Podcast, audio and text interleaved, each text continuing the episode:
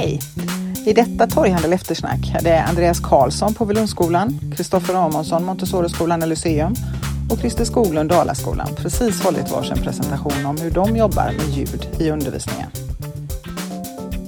Hur tänker ni efter ni har kört en egen presentation och när ni har lyssnat på de andra två kring ljud i undervisningen som är ju faktiskt i det här fallet tre presentationer och ganska olika sätt att jobba med det.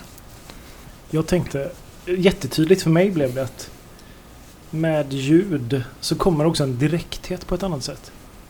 Det, det slog mig jättetydligt. Eh, det finns en tröghet i att producera text till exempel. Mm. Men, men ljudet passerar det på något sätt. Det tycker jag är intressant. Mm. Du tänker en direkthet för eleverna när de ska börja jobba eller? Ja, men jag, jag, jag, tror det och att det liksom kanske också träffar mer direkt. Det, det går ju mycket fortare på något sätt att lyssna på en podd än att plocka fram sidan 62 och läsa ett reportage den vägen. Mm. Mm. Det tycker jag är jättespännande. Mm. Eh, det första jag tänkte på är väl eh, som så många gånger annars där, att, att, varför har inte jag tänkt på det? Eh, vilken bra idé, vad va, va, va, har jag hållit på med hela tiden? eh, som att låta eleverna spela in eh, reportage från sin praoplats eh, tyckte jag var strålande. Mm. Eh, eller eh, hur, hur, dumt det än må låta, varför inte bjuda in språklärarna till musikundervisningen? Mm. Eh, det är ju grymt. Mm. Eh, så att som sagt, jag, jag, vet inte riktigt vad jag har sysslat med hittills. Men jag ska definitivt vidga mina vyer lite, mm. tänker jag. Mm. Inspirerande. Nej, jag känner att vi hade ju väldigt mycket gemensamt. Mm. Alltså vi jobbar ju lite parallellt i samma program med lite mm. olika grejer bara mm. egentligen. Mm. Så jag tycker det var jättegivande. Det märks att alla vi är på ungefär samma bana ändå. Mm. Alla tre. Om vi tar det med programmen, om vi fortsätter där, så har vi pratat om, i huvudsak kan vi väl säga då WeVideo och Soundtrap, även mm. om iMovie har nämnts. Eh, och det är program som grundskoleförvaltningen har licenser för, köpt in licenser så alla har tillgång till dem. Eh, lätta att använda tror jag ni allihopa säger. Absolut. Ja. Även för någon som liksom inte är, för ni är ju ändå lite, vad ska vi säga, före, ni är på bollen tidigt och jobbar med det. Men om jag nu kommer efter här, det är inte så svårt för mig att få igång mina elever med detta. Nej, och det roliga tycker jag är det är ju det här att eleverna lär sig nya grejer som jag... Ja, ja okej, så kan man också göra mm. naturligtvis. Mm. För de är lite före mig i den här... De är inte rädda för att testa utan de kör ju på. Mm. Och så, det, man kan också göra så här. Ja, just Ja, det kan man ju säga. Då. Ja, visst, jättebra, då fick jag ett tips till liksom. Mm. Mm. Som jag lär ut till andra. Fördelar, ni har nämnt det lite grann när ni har eh, berättat där om hur ni jobbar, men om vi skulle ta liksom och titta lite på att jobba med ljus, ljud. Du inledde Andreas med att säga att det är mer direkt. Så. Mm. Ehm, men hur ser ni andra fördelar? En stor fördel som framförallt de lärare jag jobbat med, de säger ofta, de här som jag sa, att de har börjat att använda podd istället för presentationer i klassrummet. Mm. Och det är de här eleverna som inte riktigt vill ställa sig framför klassen. Men de gör en fantastisk podd när de spelar in sig själva och spelar upp det. Mm. Då är de inte alls nervösa, liksom. det låter inget nervöst då. Mm. Så det är ett bra alternativ för de som inte riktigt vågar stå framför en grupp. Mm.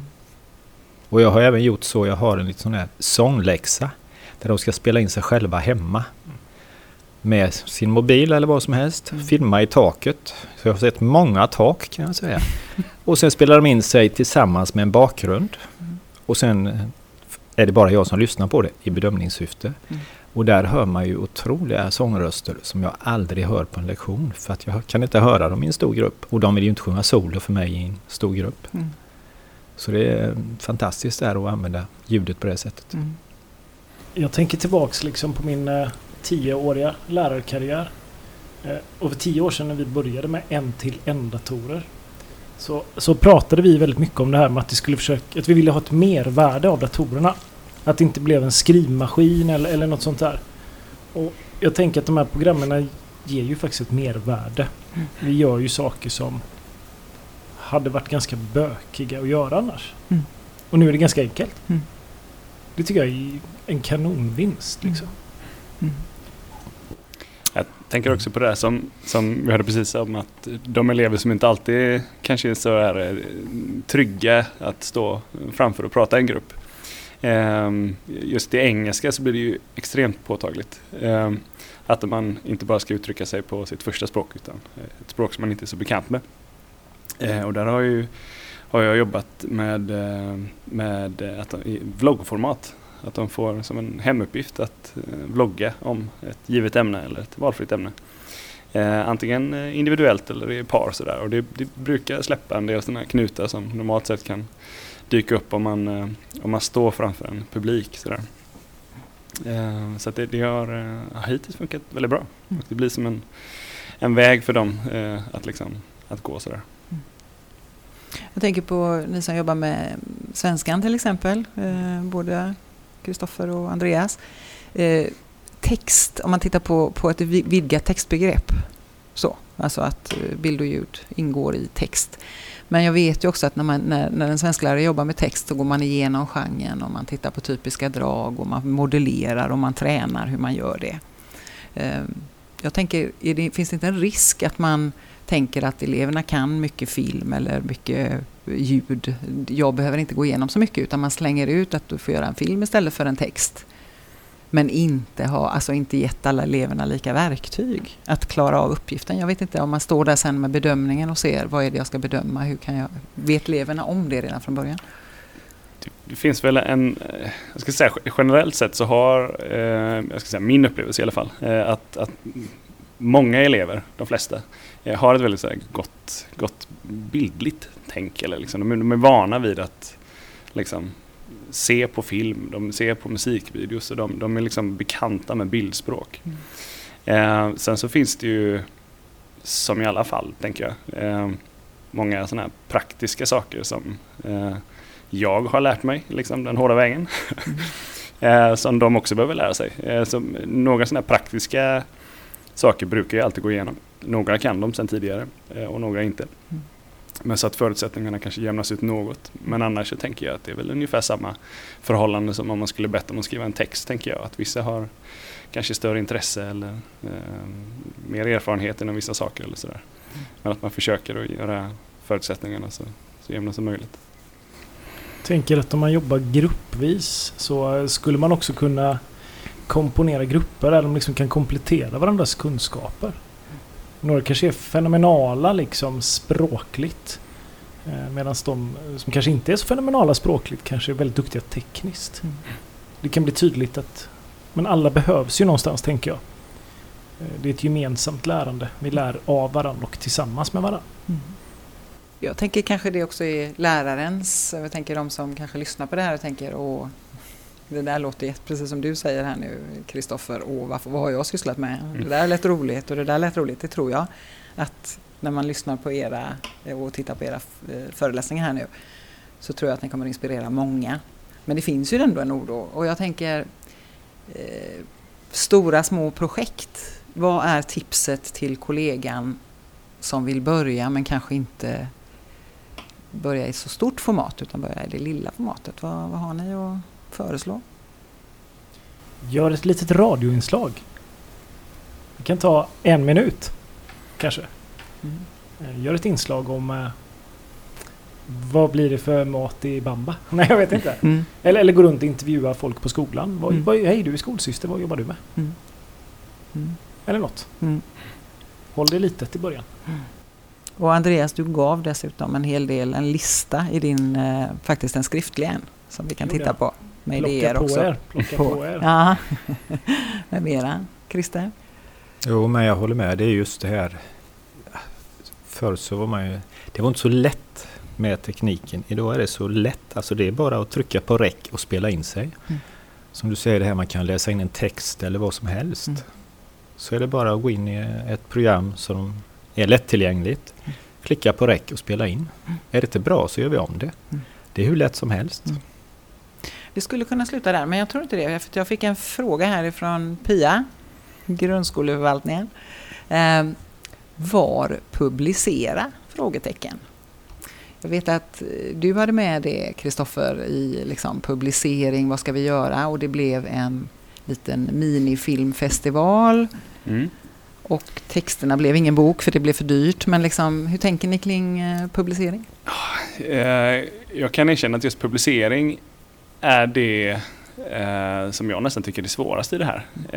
Eh, ofta så kan det kanske initialt finnas lite så här motvilja hos eleverna att vilja synas i olika sammanhang. Speciellt när de ska ja, agera. Det blir lite sådär sårbart för dem.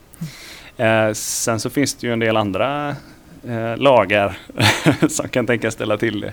Nu pratar vi om GDPR bland annat här. Lite så ja. Mm. Ehm, och jag kan också, ehm, jag behöver inte nämna några namn kanske, men det finns en del upphovsrättsliga lagar som ibland kan ställa till det eftersom eleverna kanske inte alltid har den respekten för att de använder material som egentligen inte är helt Mm. okej. sådär. Mm. Ehm, det är väl inget jättebekymmer kan jag väl erkänna, men ehm, jag tänker att ehm, om det inte är för, ehm, vad ska jag säga, ehm, tydligt vem som är avsändare kanske eller sådär så finns det ju eh, mängder av eh, alternativ för publicering. Mm. Ehm, och om det finns liksom klartecken från alla inblandade så ehm, ja, Youtube är väl två knapptryck ifrån tänker jag. Eh, och det har ju hänt att även om inte det varit ehm, på, på mina sådär order, eller man ska säga, att eleverna själva har valt att publicera eh, saker och sådär.